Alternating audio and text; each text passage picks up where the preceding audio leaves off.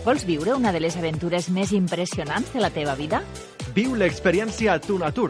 Gaudeix d'una excursió en catamarà amb sortida del port de l'Ametlla de Mar a la Costa Daurada. Dona de menjar i neda entre els centenars de tonyines roges salvatges. Podràs practicar snorkel i submarinisme i gaudir d'una degustació de la millor tonyina roja al mig del mar.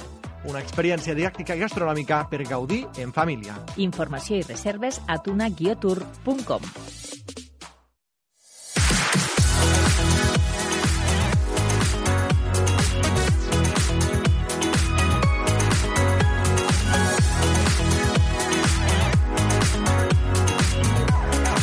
dia Terres de l'Ebre, amb Josep Pitarch. Molt bon dia, què tal? Benvinguts al programa El Dia Terres de l'Ebre, el corresponent a aquest dimecres, aquest 7 del mes d'agost, cinc emissores municipals de ràdio. A partir d'ara estem disposats a explicar-vos eh, totes aquelles qüestions que fan referència a l'actualitat al Baix Ebre i al Montsià, també a la resta del territori. Per això unim esforços. Teri Giné i Clara Seguí, que ens estan acompanyant des de la Plana Ràdio Núria Mora, Clàudia Ruiz i Xavier Falcó des de Ràdio Tortosa, Francesc Callau i Daniel Rodríguez des de la Cala Ràdio, Judit Castells i Jonathan Valls des de Ràdio Joventut i Eduard Carmona i la Leonor Bertomeu des de Ràdio Delta. Com es dèiem, des d'ara mateix i fins al punt pràcticament de les 2 de la tarda, volem posar al dia les Terres de l'Ebre, una informació que en aquesta jornada presenta els següents titulars.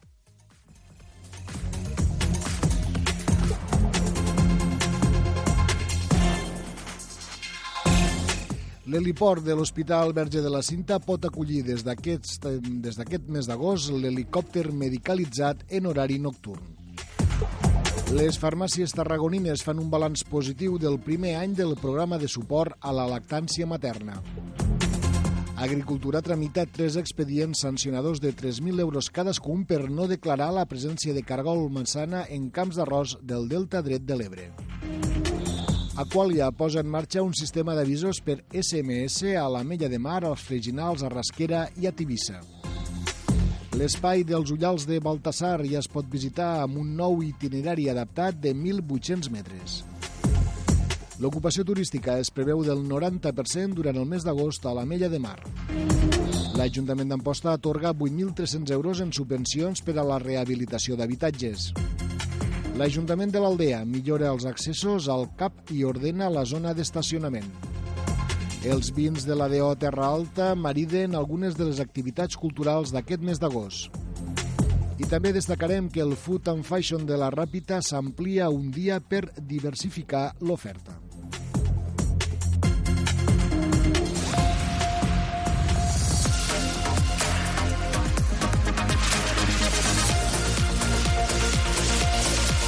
Al dia.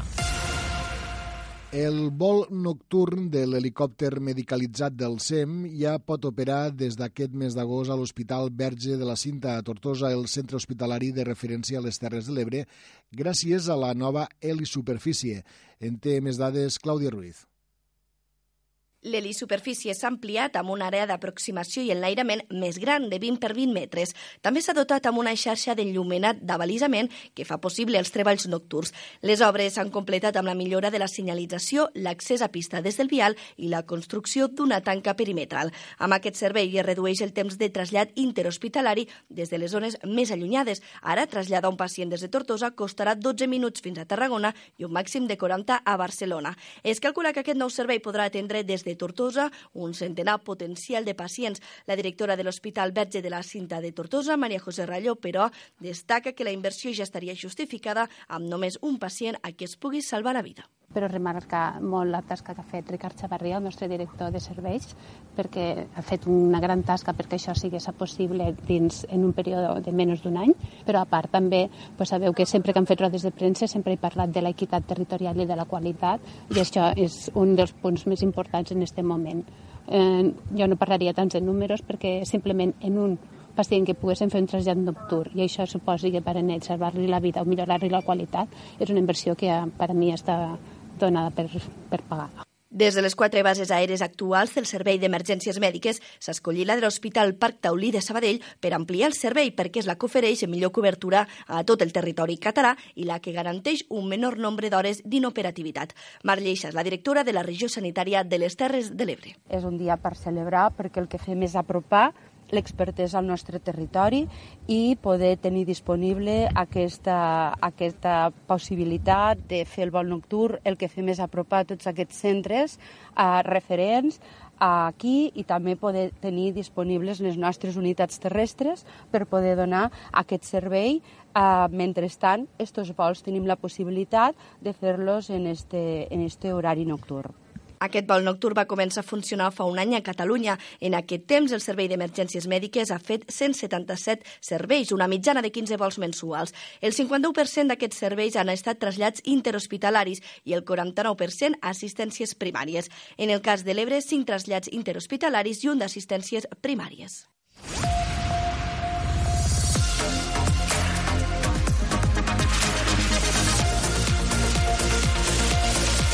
Al dia. Avui dimecres s'acaba la Setmana Mundial de la Lactància Materna per assessorar sobre l'alletament matern. Una vintena de farmàcies de la demarcació de Tarragona van posar en marxa ara fa ja un any el programa Alleta Farma. Dani Rodríguez. El programa facilita que els farmacèutics puguin donar resposta als dubtes de moltes lactants que acudeixen a la farmàcia a demanar consell, gràcies a la formació que han rebut per part de pediatres i llevadores. La farmacèutica Roser Olivella, membre del grup de treball d'alletament matern del Col·legi Oficial de Farmacèutics de Tarragona, comenta quins són els temes més consultats durant el període d'alletament. L'alletament matern és un tema que hi ha moltíssims dubtes i preguntes, però a vegades ens trobàvem mares que venien que diuen ai, mira, he passat una nit, no s'ha enganxat en tota la nit, estic molt nerviosa. La primer, tot el que s'ha d'intentar fer és comprendre la mare, empatitzar amb ella, empoderar-la, intentar-li donar un suport i una informació de qualitat. També tenim unes fitxes que es van fer des del grup de treball, que és un, un suport físic on, on estan explicats eh, els diferents casos que ens trobem més freqüentment a la farmàcia, com estem dient, per exemple, agafament al pit, mastitis, pujada de la llet, de manera que la mare també se'n va en un suport que ella podrà llegir a casa tranquil·la i mm, interioritzar una mica tota la informació que se li intenta donar. Des del Col·legi de Farmacèutics fan una valoració molt positiva del primer any de funcionament del programa, que està disponible a 22 farmàcies de 15 municipis de la demarcació identificades com a punt de suport d'Alleta Farma. A les Terres de l'Ebre són quatre les farmàcies que hi participen, la Pedrola de la Mella de Mar, la Bertomeu de Santa Bàrbara i les Gamundi i Bertomeu de Tortosa. Moltes gràcies, Daniel. Natros, en un altre ordre de coses, també hem de destacar que aquest migdia s'ha dut a terme un minut de silenci pel feminicidi a l'Hospitalet de Llobregat, víctima de la violència masclista. En aquest cas, el minut de silenci s'ha fet a la porta principal de l'edifici de la Generalitat a les Terres de l'Ebre, a la plaça Gerard Verges de Tortosa. La concentració ha estat convocada per la coordinadora territorial de l'Institut Català de les Dones a les Terres de l'Ebre. Més qüestions, ja ho avançàvem ahir. Agricultura ha tramitat tres expedients sancionadors de 3.000 euros cadascun per no haver declarat la presència de caragol poma en camps d'arròs del Delta de l'Ebre. Els pagesos tenen l'obligació de comunicar a l'administració la presència del caragol en les seues explotacions i no combatre'l pel seu propi compte. Leonor Bertomeu. El Departament d'Agricultura ha multat a tres pagesos de l'Emidelta dret per no comunicar a les administracions que havien trobat caragols massana als seus cultius. Les sancions són de 3.000 euros cadascuna, ja que advertir de l'existència d'exemplars d'esta plaga als arrossars és obligatori i es considera una falta molt greu no fer-ho perquè posa en risc les tasques de confinament i erradicació que s'estan duent a terme. Els pagesos sancionats van optar per no comunicar la presència de cargol i combatre'l pels seus propis mitjans. Això, però, suposa un risc perquè no es pot garantir l'eliminació completa ni evitar que el caragol massana pugui contaminar altres camps. Si bé el caragol massana es troba molt estès a la delta esquerra, al dret la plaga encara es troba sota control amb unes 90 hectàrees afectades.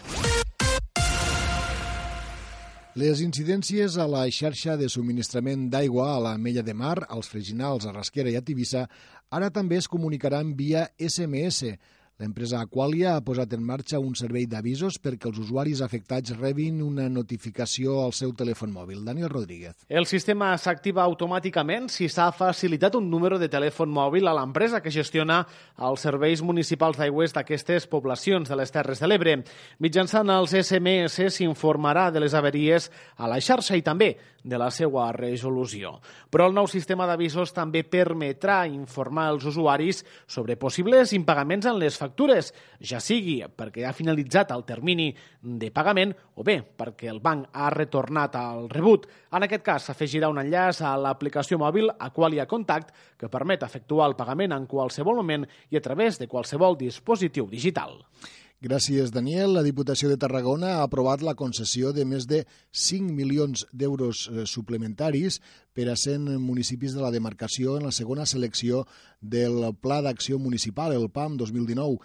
D'aquests ajuts, més de 3 milions serviran per materialitzar inversions i els altres prop de 2 milions d'euros es destinaran a sufragar despesa corrent. Roquetes, Amposta, Ascó i Vilalba dels arcs entre els municipis ebrencs que rebran ajuts per impulsar diverses actuacions. L'espai dels Ullals de Baltasar ja es pot visitar amb un nou itinerari adaptat de 1.800 metres. Es tracta d'un dels espais més singulars del Parc Natural del Delta de l'Ebre al voltant d'unes surgències d'aigua i d'un bosc que acull més de 4.000 exemplars d'arbres d'espècies de ribera. Leonor Bertomeu. El Parc Natural del Delta de l'Ebre disposa d'un nou itinerari adaptat a persones amb mobilitat reduïda que s'ha habilitat als ullals de Baltasar amb l'objectiu de facilitar la descoberta d'aquest espai singular que forma part del Parc Natural des del 2009. El recorregut circular de 1.800 metres transcorre pel mig d'un bosc de ribera plantat el 2013 en una àrea antigament conreada amb arrossars. Concretament, es van plantar més de 4.000 arbres d'espècies de ribera, com ara xops, oms, salses i àlbers. El director general de Polítiques Ambientals i Medi Natural, Ferran Miralles, ha destacat el fet que s'estigui recuperant espais naturals. Portem un grapat d'anys intentant eh, protegir la natura eh, per la via de conservar el que encara queda, no? i tenim una mica de mentalitat de que eh, conservar la natura i la biodiversitat és salvar allò que encara quedi. Eh? Però estem entrant, per sort, i, és, i, i ho hem de fer notar, en una segona etapa, que és la de crear natura. L'itinerari permetrà apropar a la ciutadania aquest espai singular del Delta. Els ullals de Baltasar són punts de surgència d'aigua subterrània originada a partir de la pluja que cau a les serres calcàries pròximes del Montsià i dels Ports. Obrim ara la crònica municipal. El sector turístic de la Mella de Mar registrarà una ocupació al voltant d'un 90% durant el mes d'agost. Els allotjaments i els establiments hotelers estan fregant el ple aquests dies, coincidint amb el període de més activitat de la temporada alta. El mes de juliol es va tancar amb un 70% d'ocupació mitjana en aquest municipi. Daniel Rodríguez. Després d'unes bones dades als mesos de maig i juny, els hotels han superat les previsions d'inicis d'estiu i han aconseguit un 85% d'ocupació en l'últim mes.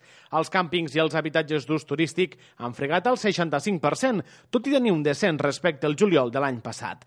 Damià Lleó és el gerent de l'àrea municipal de turisme. Venim d'una primavera amb uns caps de setmana molt forts d'ocupació. Després de Setmana Santa hem tingut uns un, unes bones ocupacions al cap de setmanes degut també al, a ponts importants com el de Sant Joan, a activitats organitzades des de turisme, des de l'Ajuntament, com la, la Fira del Mar.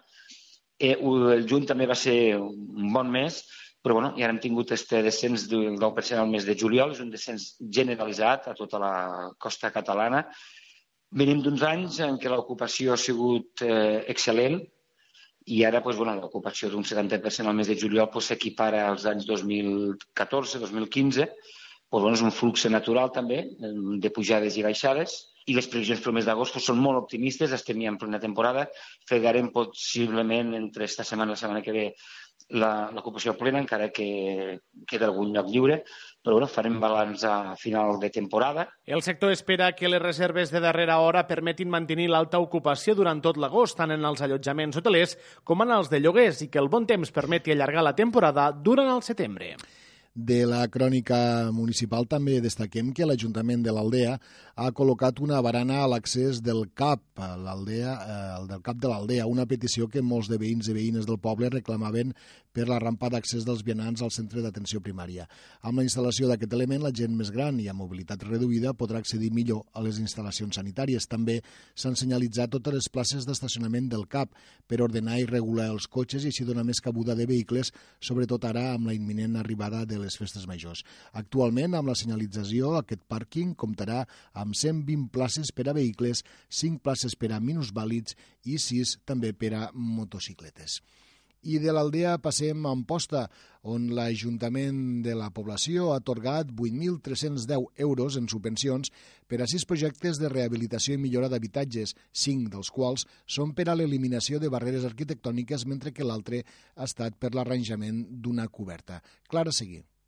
L'Ajuntament d'Amposta va impulsar aquestes bases vinculades a la recuperació d'habitatge als barris més antics de la ciutat l'any 2017, però l'any 2018 les va ampliar a tot Amposta. Existeixen tres programes diferenciats. El primer programa afecta les actuacions de conservació i sostenibilitat de les cobertes, ja sigui per rehabilitació com per la millora de l'eficiència tèrmica dels edificis. El segon tracta sobre ajuts en la conservació i la sostenibilitat en façana i n'hi ha un especial per a aquells edificis que donin al canal de la dreta de l'Ebre. Per finalitzar, l'últim programa és per a tractar les les millores en l'accessibilitat als habitatges i la supressió de barreres arquitectòniques. L'alcalde d'Amposta, Adam Tomàs, ha posat en valor tant la inversió total que suposen les sis obres impulsades per particulars com que el gran volum hagi estat destinat a la millora de l'accessibilitat i eliminació de barreres arquitectòniques.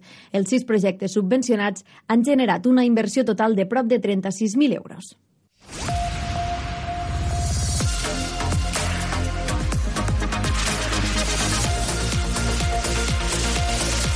Al dia.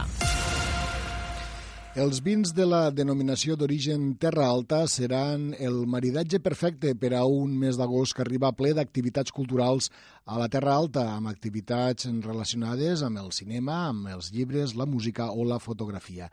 Clàudia Ruiz. El vi és l'acompanyant perfecte per gairebé qualsevol activitat. Els de la DO Terra Alta s'han sumat algunes de les propostes que tenen lloc aquest mes d'agost. D'una banda, el Festival de Cinema de la Terra Alta, que ha organitzat activitats gastronòmiques com la garnatxada o el sopar de food trucks el divendres 9 d'agost. Però també arriba a espais tan especials com les biblioteques. La de Gandesa ha acollit un estiu més el cicle Biblioteques amb DO. Aquest projecte porta la cultura del vi a les biblioteques públiques de Catalunya per reforçar els coneixements del món vitivinícola i ho fa a través d'un programa d'activitats culturals variades i per a tots els públics. En el marc d'aquest cicle, i com cada any, no podia faltar el tradicional concurs de fotografies que arriba en guany a la seva sisena edició. De l'1 d'agost al 15 de setembre, els participants hauran de presentar les seves fotografies que hauran d'anar lligades al món del vi, a la Terra Alta, des de les vinyes o els cellers fins a l'enoturisme a la comarca. Per participar hauran de publicar les fotografies a plataformes com Facebook, Twitter o Instagram amb un títol i el hashtag Biblio Terra Alta 2019. Entre els premis, un lot de vins de la Teo Terra Alta. I el proper divendres 16 d'agost també s'organitza la que és la sisena edició Divins a Prat de Comte.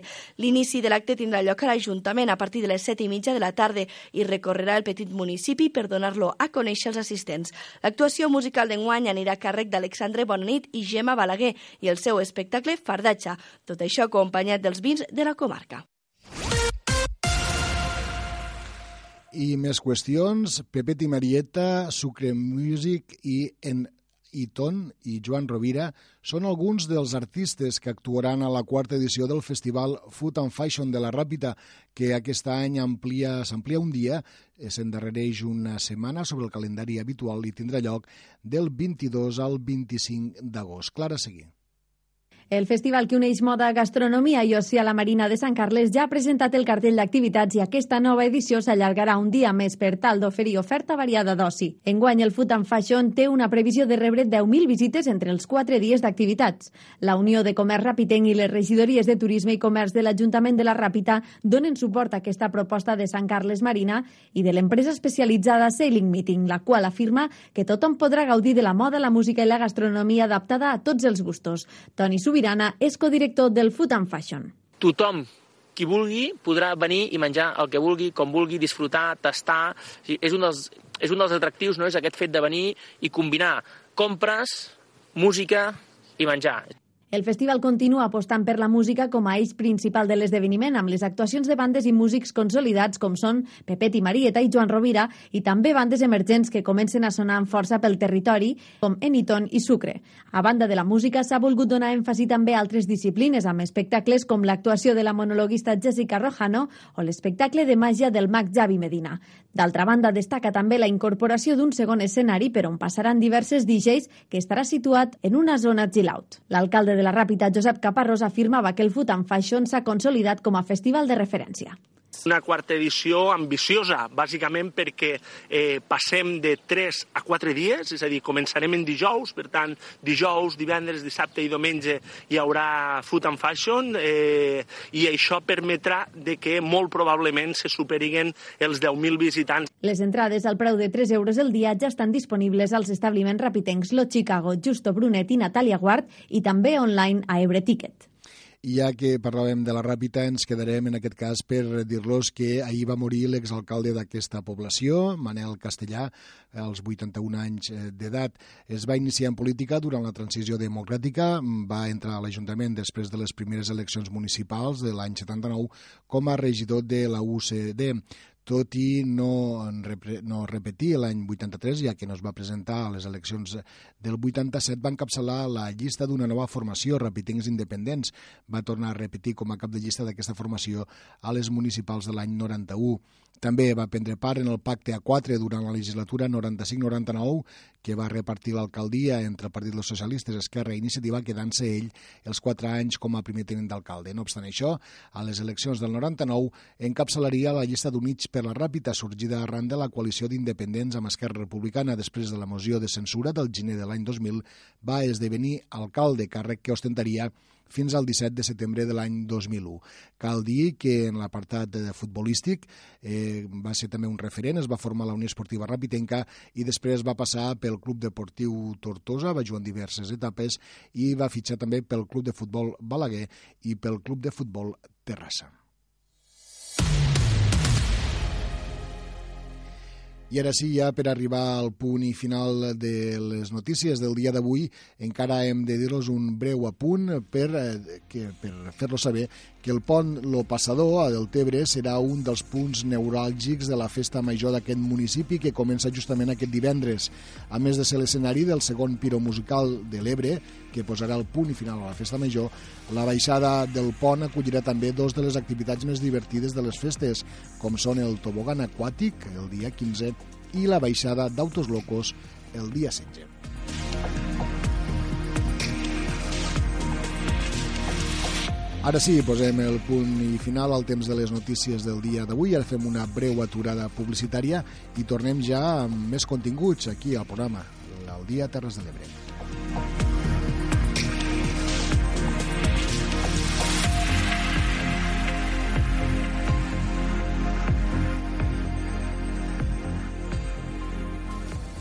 Vols viure una de les aventures més impressionants de la teva vida?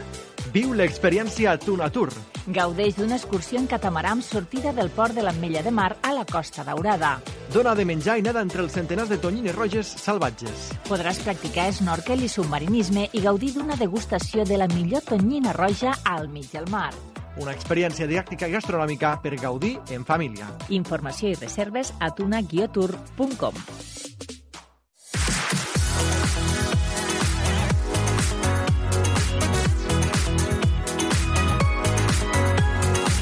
dia Terres de l'Ebre, amb Josep Pitarc.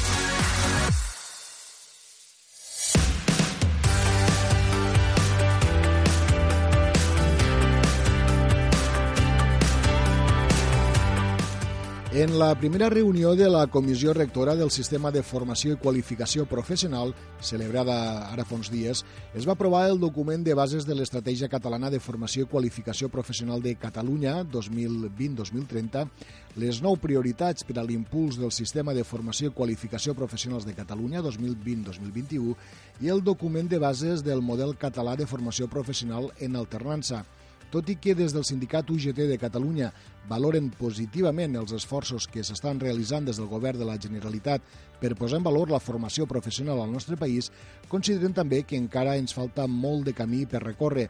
Ja fa temps que des de la UGT reclamen una governança única de formació i qualificació professionals que faci efectiva la integració real de l'FP inicial i per l'ocupació, així com situar la formació professional al nivell dels països més avançats del nostre entorn. Senyora Eva Gajardo, bon dia. Hola, molt bon dia a tothom.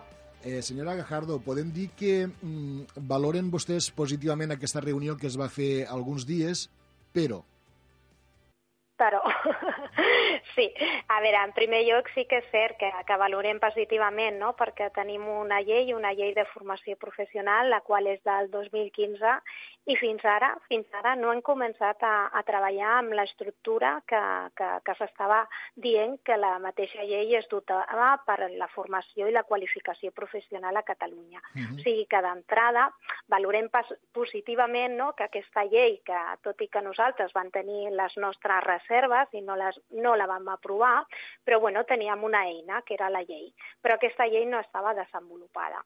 Llavors, clar, al moment en el que vivim avui per avui, es necessita mai que, més que mai no, tindre aquesta formació professional que sigui de qualitat, que sigui adaptada a la realitat que, que, que demanen, per una banda, les empreses, les necessitats formatives i també les demandes de, de, de les persones treballadores i dels territoris.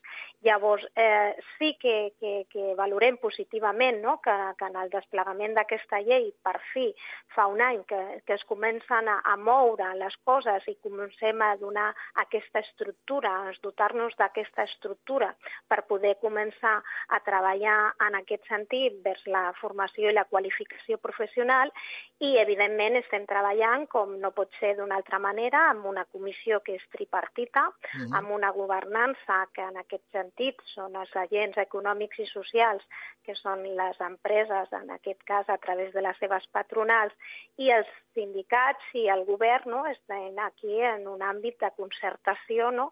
i hem aprovat doncs, uns documents que, que evidentment ens fan falta per poder treballar en aquesta estratègia catalana. I segons, segons el... vostè, segons UGT, quines serien les principals mancances que de detecten en els sistemes de formació professional actuals? La, mira, la, tenim una dada que és positiva per contraposar-la amb una dada que és negativa. No? La dada positiva que tenim avui per avui és que d'entrada tenim més persones que s'estan uh, apuntant no? i inscrivint-se dintre de la formació professional que sí. no passen al batxillerat. Sí. Això fins ara no passava. I aquesta dada és molt interessant. Per què? Perquè nosaltres tenim una sobrecàrrega de personal titulat en, en l'àmbit universitari, el qual no té encaix en l'àmbit de les demandes de, de producció que necessiten les empreses. Mm -hmm. Llavors, aquesta, aquesta dada, per, per exemple, és positiva. Però què passa? Que després veiem com les persones que estan en el dintre del sistema de la formació i la qualificació professional no donen resposta real a les necessitats que tenen les empreses i el teixit productiu. Avui per avui estem parlant de que, que la gran majoria, sigui, el 75% de, de les ofertes de, de treball que sortiran en aquests anys encara estan per dissenyar-se. No se saben ni què són, ni què seran. Llavors necessitem una formació professional que sigui molt potent, una formació professional que sigui transversal, que dote que doti d'unes feines, no? en aquest cas són unes habilitats i unes qualitats transversals per poder-nos adaptar a allò que vindrà que encara no sabem què és el que vindrà. Uh -huh. D'entrada tenim una estratègia la qual no hem complert, que és l'estratègia del 2020, vale? a nivell d'Europa, la qual ens deia que en àmbits de formació estem pràcticament eh, des de Catalunya i la resta d'Espanya, també per definició, perquè van molt, molt contrastades i molt, molt, molt alienes, no estem sobrepassant no, allò que ens demanen. Ens demanen, per exemple, que la taxa d'abandonament prematur dels estudis eh, eh, de, sigui inferior al 10%. Mm. I, I nosaltres, clar, nosaltres aquesta taxa la tenim per sobre. I sobretot eh, la tenim per sobre en l'àmbit de, de, dels homes, perquè hem fet tot l'estudi segregat per gènere i per sexe i això ens dona també també una visió no, que patim la formació professional, que és aquesta mancança de perspectiva de gènere com dic, necessitem també una formació que sigui al llarg de la vida. Aquí també és un dels objectius que tampoc no, no, no s'arriba eh, Europa demana que, que, que la formació al llarg de la vida, la formació permanent, que és allò que ens, que ens permetrà no? tindre doncs, les habilitats i adaptar-nos a allò que necessita no? el teixit productiu i, la, i les empreses, doncs en el nostre reciclament, de, que són les persones, la població activa, activa que tenim de 25 a 64 anys, doncs aquesta formació al llarg de la vida no s'arriba al 15%. En el cas dels homes és un 8% i en el cas de les dones és un 9,7%. Formar-se Això... formar al llarg de la vida laboral, podem, podem dir, eh? Correcte. Mm -hmm. Aquest, aquest, eh, aquest continu no, reciclatge i aquesta aquest canvi de paradigma. Abans es pensava que un es formava i ja estava format de por vida, ja mm. està, ja era un professional. No. Avui per avui les persones es hem d'anar formant al llarg de tota la nostra vida, perquè les coses hi canvien. La tecnologia varia molt i molt ràpid. I de vegades és el que passa a les empreses, no? que no han evolucionat a la mateixa mida que està evolucionant la tecnologia i els mecanismes més en aquest cas més, més tecnològics, i ens hi trobem que ens falten aquests professionals. Per tant, la formació al llarg de la vida. Eh, l'aconseguir que, que la gent estigui formada eh, amb estudis, que, en aquest cas, secundaris, que sigui almenys el, el 85%. Tampoc no arribem amb aquesta estratègia. Eh, també el percentatge d'alumnat que ha de tindre un nivell de competències de compressió en aquest cas de comprensió lectora, de matemàtiques, de ciències, no? Aquestes, eh, aquestes competències que són transversals, que són molt necessàries per, per poder adequar-nos, no? veient que tampoc no estem assolint aquest, eh, aquest percentatge. Ens, no? ens, queda, ens queden 30 segons, eh, senyora Gajardo. En, en resum, eh, el seu parer, pel que estic entenent, eh, estem encara molt lluny no? de les polítiques de, de formació professional dels països europeus? Correcte. Es, eh, encara estem lluny. El que passa que sí que hem d'anar cap a un sistema que estigui integrat, un sistema de formació i qualificació que sigui de l'àmbit de, de, de l'ocupació i de l'àmbit de, de, de, de, de la formació reglada. Mm. Eh, necessitem més que mai que, els nostre, que el nostre jovent es, es qualifiqui i que la, la, la formació sigui adient a les necessitats del nostre teixit productiu i de les necessitats de, de les persones. Seguirem, per seguirem. tot això... sí. És que hem, hem de, hem de deixar-ho aquí, senyora Jardo. Eh, bueno. seguirem, seguirem l'evolució d'aquestes sí. negociacions eh, per la nova formació professional al nostre país. Senyora Eva Gajardo, secretària d'Igualtat i Formació Professional de la UGT a Catalunya, moltíssimes gràcies per atendre la nostra trucada. Moltíssimes gràcies a vosaltres per l'interès. Bon ara, dia. Una abraçada, bon dia. Adéu, bon dia.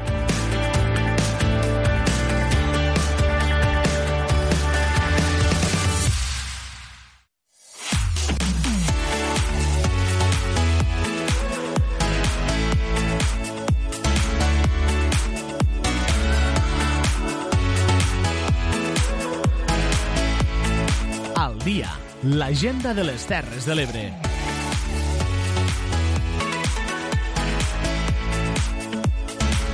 Trenta-set minuts, pràcticament ja sobre el punt de la una del migdia. És l'hora de conèixer quines són aquelles activitats, aquelles propostes eh, que ens ofereixen les, les diverses poblacions de les nostres terres. Estem parlant de l'agenda, una agenda que en el dia d'avui Comencem per la comarca del Montsià, concretament anem als estudis de la Plana Ràdio Santa Bàrbara, on hi ha la Clara Seguí. Clara, bon dia. Bon dia, Josep. Continuen les festes de Godall. Avui, de fet, a les 12 i mitja del matí ha començat el vermut electrònic i musclada popular. A les 6 de la tarda hi haurà l'exhibició i educació vial amb els Mossos d'Esquadra i a les 11 correfoc a càrrec del grup de Vall Diables Lo Llampec Noia amb el Boc Jordiet i el grup de percussió Boc Tocada. Demà dijous dia 8 d'agost a primera hora serà la tirada al plat i tot seguit a les 3 de la tarda concurs de guinyot. D'altra banda, si marxem al món Natura Delta de l'Ebre en posta, demà a les 5 de la tarda serà la sortida Les aus del Delta de l'Ebre.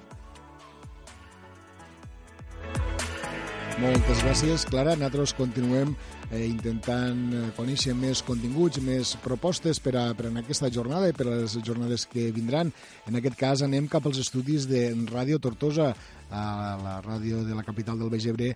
Hi ha la Clàudia Ruiz. Clàudia, bon dia. Bon dia, Josep. Avui a l'agenda de Tortosa tenim destacat que des d'avui fins divendres a l'edifici Jove Lo Carrilet es podrà gaudir d'unes jornades de rol i taula amb les associacions lúdiques del territori de 5 a 8 de la tarda, una activitat totalment gratuïta destinada als joves. I des d'aquest espai també organitzen ja per dissabte, així que apunteu a l'agenda, una exposició en bici fins a la Fontcalda per 2 euros o 7 si no tens bici, que s'inclou el transport fins a Horta, on començarà aquesta excursió. I si el que vols és gaudir d'una activitat de caire històric, com cada cada dimecres a les 7 de la tarda s'organitza una visita guiada al refugi antiaeri número 4 de Tortosa. El punt de trobada és el carrer Ernest Hemingway, que se troba situat a darrere de l'antic cinema Fèmina.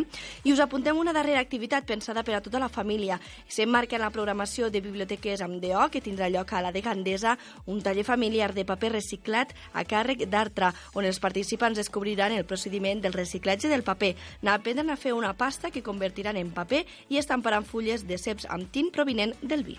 Moltíssimes gràcies, Clàudia, i continuem, continuem la nostra ronda de connexions. En aquest cas anem cap als estudis de la Cala Ràdio a la Mella de Mar, on hi ha Daniel Rodríguez. Daniel, què tal? Bon dia.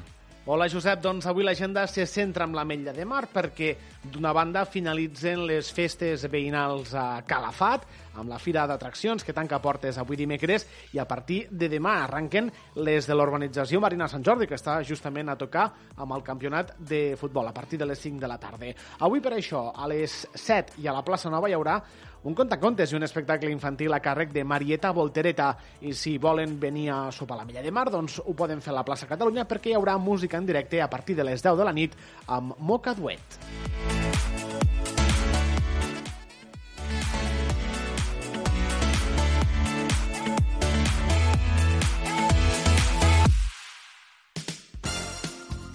La veritat és que no sabríem en quina quedar-nos de totes aquestes activitats. En tot cas, és eh, fer-te un bon, un bon planning, si disposes de temps, i anar eh, escollint les que més, més t'interessen. Jo la veritat és que n'he escoltat unes quantes que, eh, que personalment m'interessen moltíssim. Eh, en tot cas, hem de continuar avançant, hem de continuar amb més seccions del nostre programa i arribem en aquell any que anem eh, per cadascun dels pobles i ciutats de les Terres de l'Ebre. Eh, és la secció de Poble en Poble. Avui hem de parlar d'una iniciativa en què han pres part una sèrie de persones, ara ho explicarem en seguida, que es diu Ujaripen, que vol dir esperança en la llengua gitana, però també és el nom d'un projecte comunitari, en aquest cas engegat ara fa 4 anys a la ciutat de Tortosa, que treballa en l'acompanyament del col·lectiu de diferents àmbits socials. Aquest darrer any han participat, com els dèiem, fins a 25 famílies i ens en parla des de Ràdio Tortosa la Clàudia Ruiz, amb la següent entrevista. Clàudia, quan vulguis. Un lliurament de diplomes i una festa musical van servir la setmana passada per cloure el que és la quarta edició del programa Ujaripen. Es tracta d'una acció comunitària que treballa per la mediació i acompanyament al col·lectiu gitano a través de diversos àmbits i que funciona amb la col·laboració de l'Ajuntament de Tortosa, de Creu Roja, Càritas i altres com ACISI. Per això avui hem convidat als nostres estudis a Maria Pallisse, que és coordinadora d'aquest projecte. Bon dia. Bon dia. També a Irene Segarra, que és tècnica del Pla d'Inclusió de l'Ajuntament i del procés comunitari. Bon dia. Bon dia. També tenim amb nosaltres a Tamara Navarro, que és la mediadora del projecte, i a Dara Gavarri, participant del projecte, així com a Anton Moreno. Bon dia. Bon dia. Bé, Maria, explica'ns una mica els inicis d'aquest projecte, perquè, com dèiem, fa quatre anys ja que funciona a la ciutat. Realment sí que fa quatre anys que el projecte Ujaripen funciona a la ciutat, però eh, amb la comunitat gitana ja s'havia treballat des de sempre, des de diferents entitats i des de diferents organitzacions. Evidentment, de la comunitat gitana s'ha treballat sempre. El que mm. passa que eh, el concepte de com treballem en la comunitat gitana és el que ha canviat. al iniciar-se el 2010 el procés comunitari, comencem a generar una altra manera de treballar i sobretot de eh, pensar i, i generar projectes. En la comunitat gitana es treballava des de l'Ajuntament de Serveis Bàsics, d'Acció Social, se treballava molt en Càritas i altres entitats que treballaven, les escoles també mm. treballen molt en la comunitat gitana. Clar, feia falta que ens plantegéssim una actuació comunitària integral i això és el que va ser el resultat de plantejar-nos aquesta nova manera de treballar que va sorgir Ujaripen fa quatre anys. I per què amb aquesta comunitat, eh, concretament? Jo sempre explico que la comunitat gitana és la comunitat que més racisme té. És a dir, estem molt acostumats a, a, a, a visibilitzar el racisme que hi ha contra la població migrada, que hi ha, evidentment, no, no direm que no, però mm, la comunitat gitana, que és una comunitat eh, de l'Estat, és a dir, que és una comunitat nacional, no és eh, de cap altre origen, eh, és una comunitat que de manera estructural sempre ha estat eh, discriminada a la nostra societat. Això ha portat que eh, estigui en una mm, situació d'exclusió uh. -huh. que fa que necessiti una actuació específica per a poder adquirir els nivells per a tindre igualtat d'oportunitats i poder utilitzar els, els recursos normalitzats. Evidentment que ens agradaria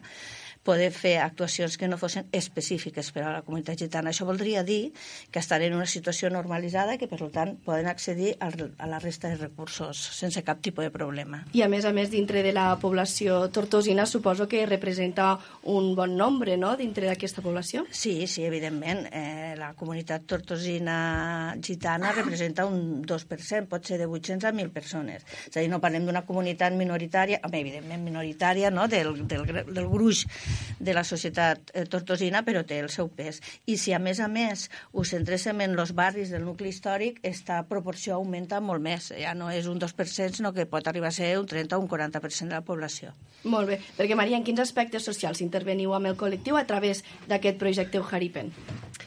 Bueno, intervenim en diferents aspectes socials, vull dir, el, bueno, realment el que fem és abarcar tota la, tota la població gitana. Tenim diferents línies d'actuació i sobretot el que intervenim molt és amb els xiquets petits, des de l'espai educatiu. A l'espai educatiu tenim diferents línies, la primera línia és el, eh, un taller de psicomotricitat, que és on comencem a fer relació amb les famílies. Aquí acollim a nens des de 3 a 5 anys, mm -hmm i després el que tenim, mm, la branca més forta del projecte, diem que és l'espai educatiu. L'espai educatiu és el que acollim a nens, aproximadament a uns 50 nens, entre 6 i 16 anys, en edat d'escolarització, i el que fem és un acompanyament, no només a nivell acadèmic, sinó que també treballem diferents habilitats, sobretot l'habilitat emocional, la comunicativa i les socials, una mica per ajudar aquests alumnes. Llavors, tenim diferents grups, i no ens organitzem per edat, sinó que també ens organitzem per característiques, perquè el que busquem és que ells se sentin còmodes amb aquest espai i l'espai sigui un lloc de referència i aquest lloc de referència el que fa és que puguem generar vincle amb aquests alumnes i poder treballar millor amb les seves famílies. Mm. Un d'aquests alumnes ha sigut, per exemple, l'Anton, que el sí. tenim aquí. Com has viscut este curs que has fet? Quines activitats has fet dins d'aquest projecte Ujaripen? Hemos ido a la playa y hemos, hemos hecho muchos deberes, uh -huh. hemos, hemos hecho actividad de agua. I quina és la que t'ha agradat més? De la piscina. Per què? Perquè, perquè me baño. Molt bé, eh, parlem una mica també de dintre d'Ujaripen, d'aquest projecte. Qui en forma part d'aquest equip? Mm, amb aquest projecte som un equip petit, eh, som la Irene, eh, la Plis de l'Ajuntament, la Tamara, la mediadora de la comunitat gitana, la Rosa, un pla d'ocupació i jo mateixa. A mi m'agradaria saber, Tamara, el teu paper de mediadora. ¿En qué consisteix? Quina és la funció que tens dintre de Ujaripen? Pues yo soy el puente que hay entre el proyecto y la comunidad gitana. Uh -huh. Lo hago de una manera muy natural porque yo realmente convivo día a día con ellos. Los veo en la calle, los veo en el culto. El culto es la iglesia donde nos juntamos todas las tardes. I aquest pont en què consisteix? Ells et fan arribar algunes necessitats i les portes al projecte, a la inversa, a la inversa. Ellos a veces tienen alguna necesidad, pues mira, necesitamos ir allí, necesitamos vuestra ayuda. Pues nosotros pues le hacemos el acompañamiento. O hay a veces que si hacemos alguna actividad, uh -huh. pues yo les comunico de lo que se va a hacer. Molt bé, i suposo que per a ells deu ser un gran referent, no?, també, perquè és a qui primer buscaran per tal de, a lo millor, solucionar, com deies, aquestes necessitats. Sí. Ellos son los que vienen, Tamara esto, Tamara lo otro, y así. Y supongo que t'agrada, ¿no? Claro. Aquest paper. Sí, que sí, la verdad también mm, estar con los niños me encanta, la- el cariño que les coges, mm, la manera que los acompañas. Me siento súper a gusto con mis compañeras, con todo. Molt bé, perfecte. Perquè expliquem una mica les activitats que s'han dut a terme primer en les tres primeres eh, edicions. També quin objectiu no perseguien aquestes activitats o aquests tallers? Vale. Algunes de les activitats ja les he comentat abans. He dit que la principal és espai educatiu, que és on acudeixen els nens després de l'escola, i a més a més a l'estiu el que fem són activitats d'estiu amb ells, anem a la platja, com dit l'Anton, a la piscina, i fem sortides. I, però a més a més treballem amb, amb l'altra població. Per exemple, també treballem amb els joves. Mhm. Tenim un grup de joves però treballem d'una manera que ells en formin part. És a dir, a principi de curs, sobre el setembre, reunim els joves que tenen ganes de fer alguna cosa i, els hi, i ells ens diuen una mica la seva necessitat, que és el que ha comentat ta mare, i el que fem és un grup de joves. I aquí on treballem són les competències bàsiques i aquells joves que estan preparats es presenten a la prova d'accés. No és un espai on no només estudiem, sinó que fem, generem relació i vincles de confiança i això també ens permet eh, derivar-los a altres recursos de la ciutat i no només que es quedin al nostre projecte. Molt bé, entre aquests joves tenim a la Dara Gavarri, que ha vingut també aquí als estudis, que també estàs preparant, m'han dit, la prova d'accés, és així? Eh, jo ja la vaig fer, la prova de grau mitjà. Ah, molt bé. I, per exemple, com te van ajudar a preparar-lo i com et va anar? Eh, bueno, vaig estar dos mesos anant aquí a l'espai. Mm Mhm. me, basta- me van estar preparant fent totes les assignatures. Eh, me van, eh, després de dos mesos vaig fer l'examen a la prova d'accés aquí a l'Institut de l'Ebre. Molt bé. I la vaig aprovar. I després d'això vaig decidir que volia seguir estudiant i he seguit venint aquí a l'espai. I al setembre començaràs algun curs? Eh, estudiaré la prova de grau superior uh -huh. per accedir a més cursos, que són els que més m'interessen, que seria d'educació infantil o, o així. Molt bé, i animaries a altres joves a seguir el teu camí? Sí, totalment. És que això te dona més possibilitats per a poder treballar, per a poder relacionar-te millor, per a mm, créixer com, com persona, no sé. I, per exemple, suposo que, no sé si hi ha més experiències com d'ara, que a banda de ser participant d'aquest projecte, ara passarà a ser voluntària. Ah, sí, d'ara, d'ara és molt important, eh? És, és bàsica. Sí. Mm, este, aquest estiu he estat treballant com a voluntària aquí de monitora, fent activitats amb, els nens petits i m'ha agradat molt, ha sigut fantàstic. I suposo que ara, com deies, que t'agradaria estudiar eh, de cara al magisteri, això t'ha ajudat o t'ha Sí, reforçat sí. la idea de seguir estudiant això? En realitat, sí. Mm, estava dudant, dic, a veure, no sé si mm, se'm donaria bé, però després d'anar amb els nens he dit que, que sí, que m'agrada i que voldria seguir aquest camí. Molt bé, veient que aquest projecte és tan necessari, comptarem amb una edició més a partir del setembre? Mm, Este és un projecte que hem anat buscant subvencions mm, en diferents convocatòries, hem estat subvencionats alguns anys per la Caixa, hem tingut també subvencions o ajudes d'altres entitats que ens han facilitat recursos, eh, també de l'entitat Blanquerna, que també ens ha ajudat, eh, i seguim buscant recursos. No tenim recursos propis, per tant, ens presentem les entitats que formen part i ens presentem a, a subvencions.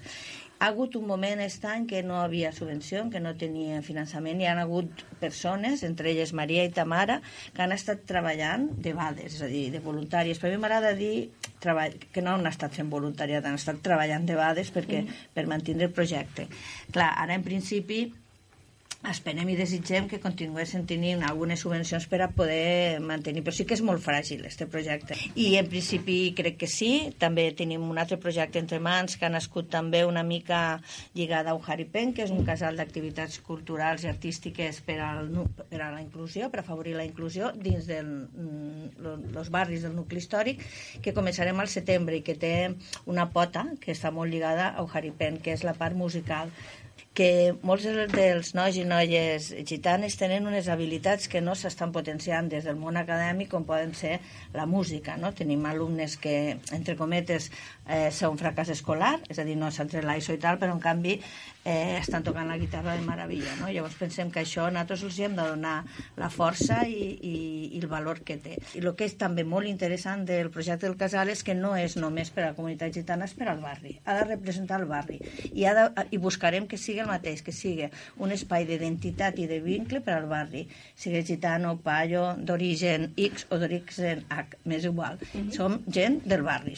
I per a este sí que tenim una mica de subvenció. Bueno, ja anirem fent. Molt bé, Maria, suposo que aquest estiu també dona més temps per pensar projectes nous dintre d'Eujaripen, eh? Parlo d'activitats i tallers. Es presentarà alguna novetat per a aquesta nova edició? Sí, bueno, una mica seguirem la mateixa línia i si surt algun grup que té alguna altra necessitat intentarem adaptar-nos i fer una activitat nova. Sempre estem disposades una mica i disposats a, a fer noves activitats sempre i quan la comunitat ho necessiti. Doncs ara me queda donar-vos les gràcies per haver vingut aquí als estudis de Tortosa, que com és ràdio no ho veieu, però està ple de gent, però m'agradaria molt donar de nou les gràcies a Irene Segarra, que és la tècnica del Pla d'Inclusió de l'Ajuntament, a Maria Pallisse, que és la coordinadora del projecte, així com a Tara Gavarri i Anton Moreno, que són participants del projecte, i a Tamara Navarro per ser la mediadora d'Eujaripe. De, Moltes gràcies a tothom. Gràcies.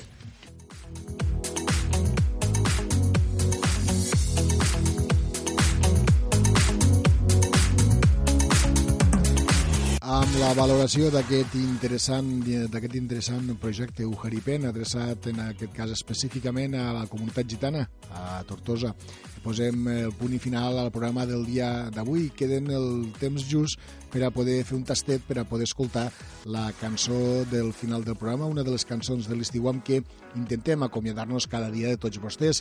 Avui me n'anirem a l'any 2001 i concretament amb una formació eh, que segurament tots han ballat a les nits de Rebella amb la Fundació eh, Toni Manero que l'any 2001, com deia, ens eh, cantaven Super Sexy Girl. És la cançó amb què avui ens acomiadem. Acaben de passar molt bona jornada, siguin feliços i fins demà.